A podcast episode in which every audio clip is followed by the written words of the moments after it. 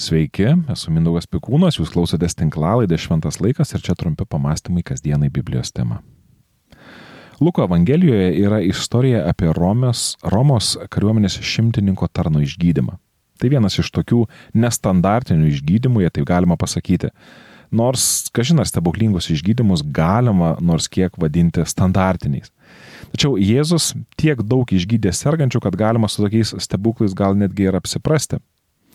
Man šis, e, mano dėmesį šis stebuklas patraukė, nes šimtininko santykis su Jėzumi šioje istorijoje nustebino net patį gelbėtoją. Lukas rašo, kad Jėzui prisertinus prie namų, šimtininkas pasiuntė savo draugus jam pasakyti - viešpatie, nesivargink, aš nesu vertas, kad užeitum po mano stogu, aš taip pat nelaikau savęs vertu ateiti pas tave, bet tark žodį ir te pasveiksta mano tarnas. Juk ir aš pats, būdamas valdinys, turiu savo pavaldžių kareivių. Taigi aš sakau, kam nors iš jų eik ir jis eina, sakau kitam eik čia na ir jis ateina, sakau tarnai padaryk tai ir jis daro. Tai gerėdamas Jėzus stebėjosi šimtininku ir atsigręžęs į jį lydinčią minę sakė, sakau jums, nei Izraelėje neradau tokio didelio tikėjimo. Sugrįžęs į namus, sugrįžę į namus pasiustieji rado tarną pasveikusi. Luko Evangelija 7 skyrius 50 eilutės.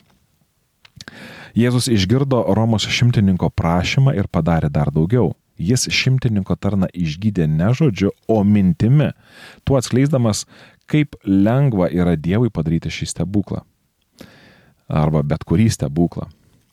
Bet kodėl tokių stebuklų Izraelyje Jėzus negalėjo padaryti daugiau? Viena iš reikšmingiausių kliučių um, buvo žmonių tikėjimo stoka.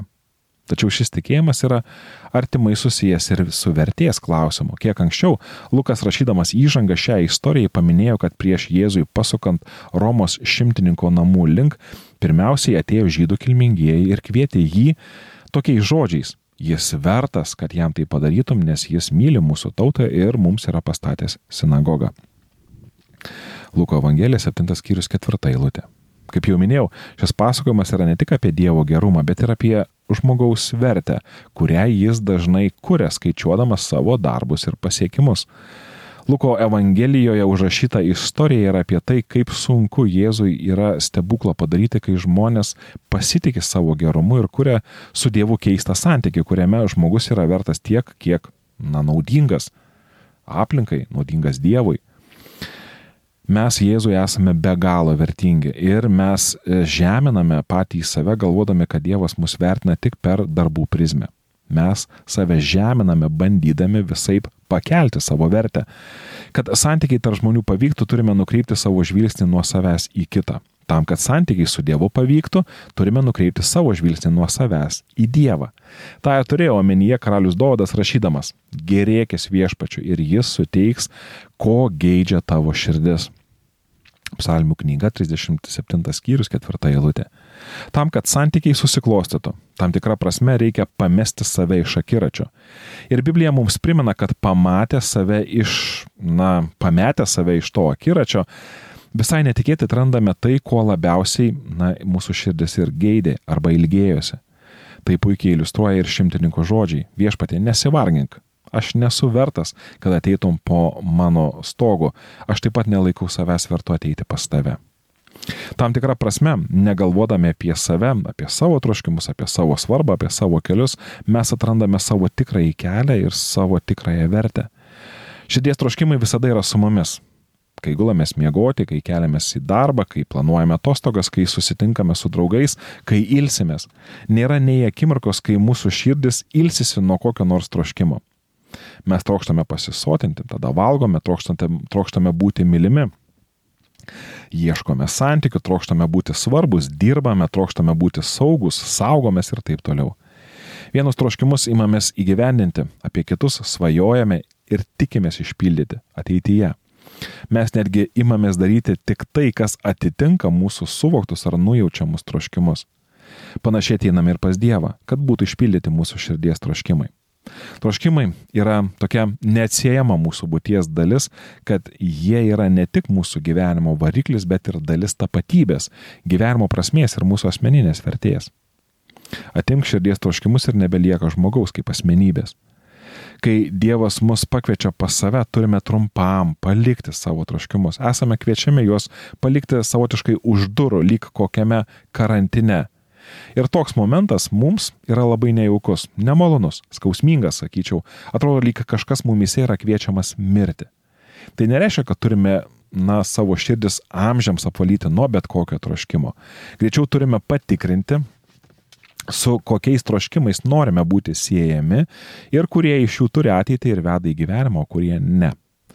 Mūsų skaitytoje istorijoje apie Romos šimtininką ir Jėzų mes girdime pareigūną tariant, viešpatė nesivargink, aš nesu vertas, aš ir pats nelaikau savęs verto ateiti pas tave. Ir tada Lukas rašo, tai girdėdamas Jėzus stebėjosi, šimtininkų ir atsigręžęs į jį lydinčią minės pasakė, sakau jums, net Izraelėje neradau tokio didelio tikėjimo. Ar galima Dievą nustebinti? Pasirodo, galima, galima nustebinti tik tais tam, kuris kažko nesitikėjo. Yra įprasta apie Dievą galvoti kaip apie viską žinantį nuo pradžios iki galo, kaip apie kažkokį tai kompiuterinio žaidimo kurieją, kuris apie žaidimą žino viską ir nesitikė jokių surprizų. Žinoma, Dievo gale išmintis ir pažinimas yra su niekuo nesulyginami. Jis perpranta motyvus greičiau, mato pasirinkimo pasiekmes toliau ir veikia subtiliau už bet ką, kas egzistuoja šiame pasaulyje. Tačiau niekas negali matyti pasirinkimo, kol jis nėra priimtas.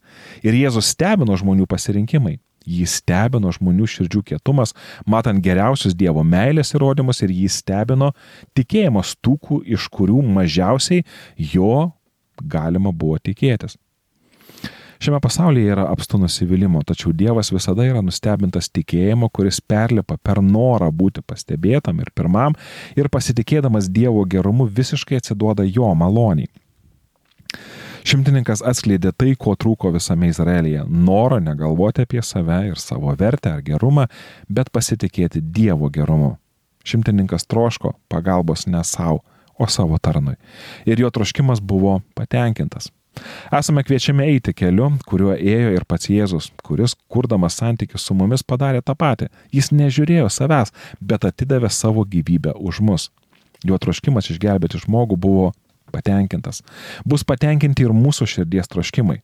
Tam mes esame kviečiami ateiti pas Dievą, kad pabuvę su juo užsidegtume tais pačiais troškimais kaip ir jis. Na, o tada jau viskas yra tikėjimo rankose. Turime pasitikėti, kad Dievo įkvėptiems troškimams gausime ir jėgų juos įgyvendinti. Apaštalas Paulius mus drąsino, jog Dievas iš savo palaimos skatina mus ir trokšti, ir veikti. Laiškas Filipiečiams, antras skyrius, 13 eilutė. Romos šimtininko tikėjimas praskaidrino daug ko mačiusias Jėzaus akis. Tegul mūsų noras ateiti pas Dievą nuolankiai ir drąsiai prašyti galios įgyveninti mūsų valia tapusią jo valią džiugina Jėzų ir šiandien. Primenu, jog ši tinklalaidė yra išlaikoma jūsų laisvanoriško prisidėjimo. Kad šių ir įvairesnių tinklalaidžių būtų sukurta daugiau, kviečiu paremti Šventas laikas veiklą per Contribui rėmimo platformą. Dėkoju Jums už paramą.